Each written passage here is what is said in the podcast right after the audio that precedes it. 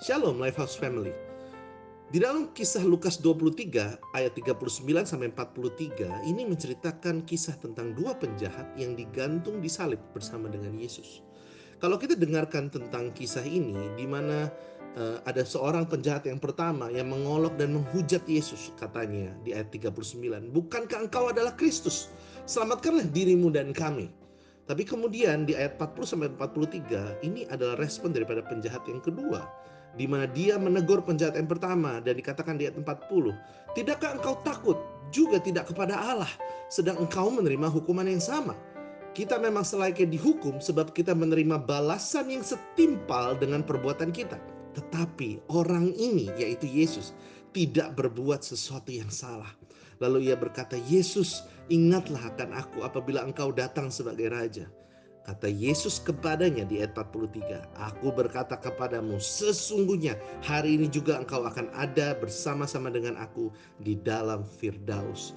Bapak Ibu Lifehouse Family, kalau kita lihat ayat dari pasal Lukas 23 ayat 39 sampai 43 ini, sering kali yang menjadi titik tekan atau penekanan daripada pengajarannya adalah bahwa Yesus mengampuni dosa kita bahkan ketika di ujung uh, umur kita dan kita terima Yesus, Yesus akan mengampuni dosa kita dan kita akan masuk ke dalam kerajaannya. Ini yang selalu menjadi penekanan dan itu memang hal yang menurut saya luar biasa kasih karunia Tuhan itu. Tetapi saya melihat uh, perikop ini dari angle yang sangat berbeda. Tahukah Bapak Ibu, tanpa kita sadari, banyak anak-anak Tuhan itu terjebak dengan mentalitas penjahat yang pertama. Di mana katakan, bukankah engkau adalah Kristus? Selamatkanlah dirimu dan kami tanpa kita sadari banyak sekali anak-anak Tuhan. Dan mungkin saya juga juga termasuk dalam dalam salah satu mentalitas ini di mana kita terus mengatakan Bapa Yesus kalau engkau beneran Tuhan ayo dong tolong aku. Kalau engkau beneran Tuhan ayo dong selamatkan aku. Tunjukkan dong bahwa engkau adalah Kristus. Saya mau kasih tahu Bapak Ibu Tuhan tidak pernah punya kewajiban untuk menolong kita. No kalau Tuhan mau menolong kita karena Tuhan punya rencana dan saya yakin Tuhan punya rencana untuk masing-masing di antara anak-anaknya mengasihi dia. Rancangan-rancangan yang mendatangkan kebaikan tetapi untuk orang-orang yang benar-benar mengasihi Tuhan. Nah, yang menarik adalah mentalitas daripada penjahat kedua. Tahukah Bapak Ibu, saya melihat perikop ini dengan kacamata yang berbeda sekarang.